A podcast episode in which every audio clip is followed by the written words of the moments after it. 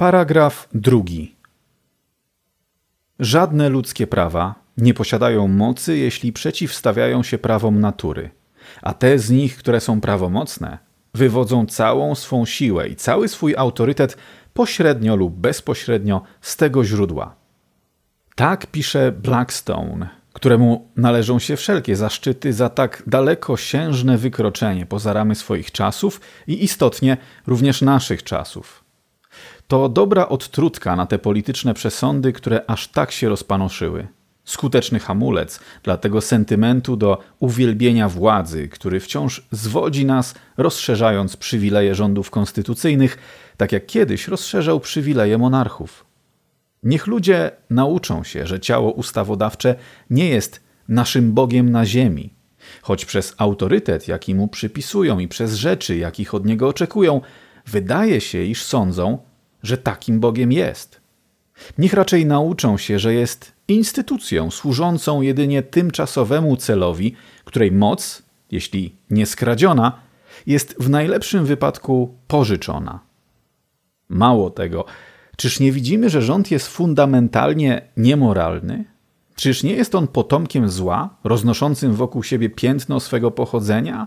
Czyż nie istnieje on dlatego, że istnieje przestępstwo? Czyż nie jest on silny, albo jak mawiamy, despotyczny, gdyż przestępczość jest wielka? Czyż nie ma więcej wolności, czyli mniej rządu, gdy przestępczość spada? I czyż nie powinien rząd ustać, gdy przestępczość ustaje z braku obiektów, na których opiera swoje funkcje? Autorytatywna siła istnieje nie tylko z powodu zła, ona istnieje poprzez zło. Przemoc jest stosowana, by ją utrzymać, a każda przemoc pociąga za sobą przestępczość. Żołnierze, policjanci i strażnicy więzienni, miecze, pałki i kajdany są narzędziami do zadawania bólu, a każde zadawanie bólu jest z założenia złe. Państwo zatrudnia narzędzia zła, żeby ujarzmiać zło i podobnie zarażone jest przez obiekty, z którymi obcuje i przez sposoby, według których działa.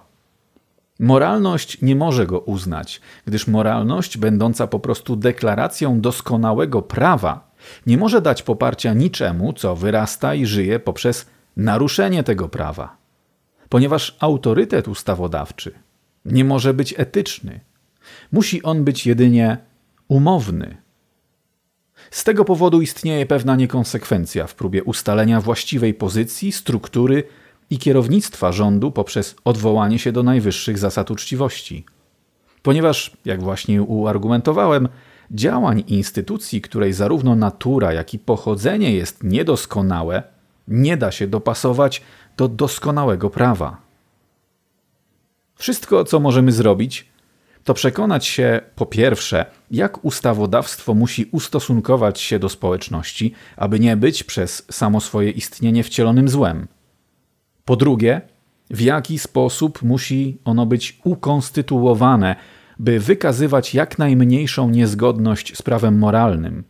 I po trzecie, do jakiej sfery jego działania muszą się ograniczać, by zapobiec zwielokrotnianiu tych naruszeń sprawiedliwości, do których zapobiegania zostało ono stworzone.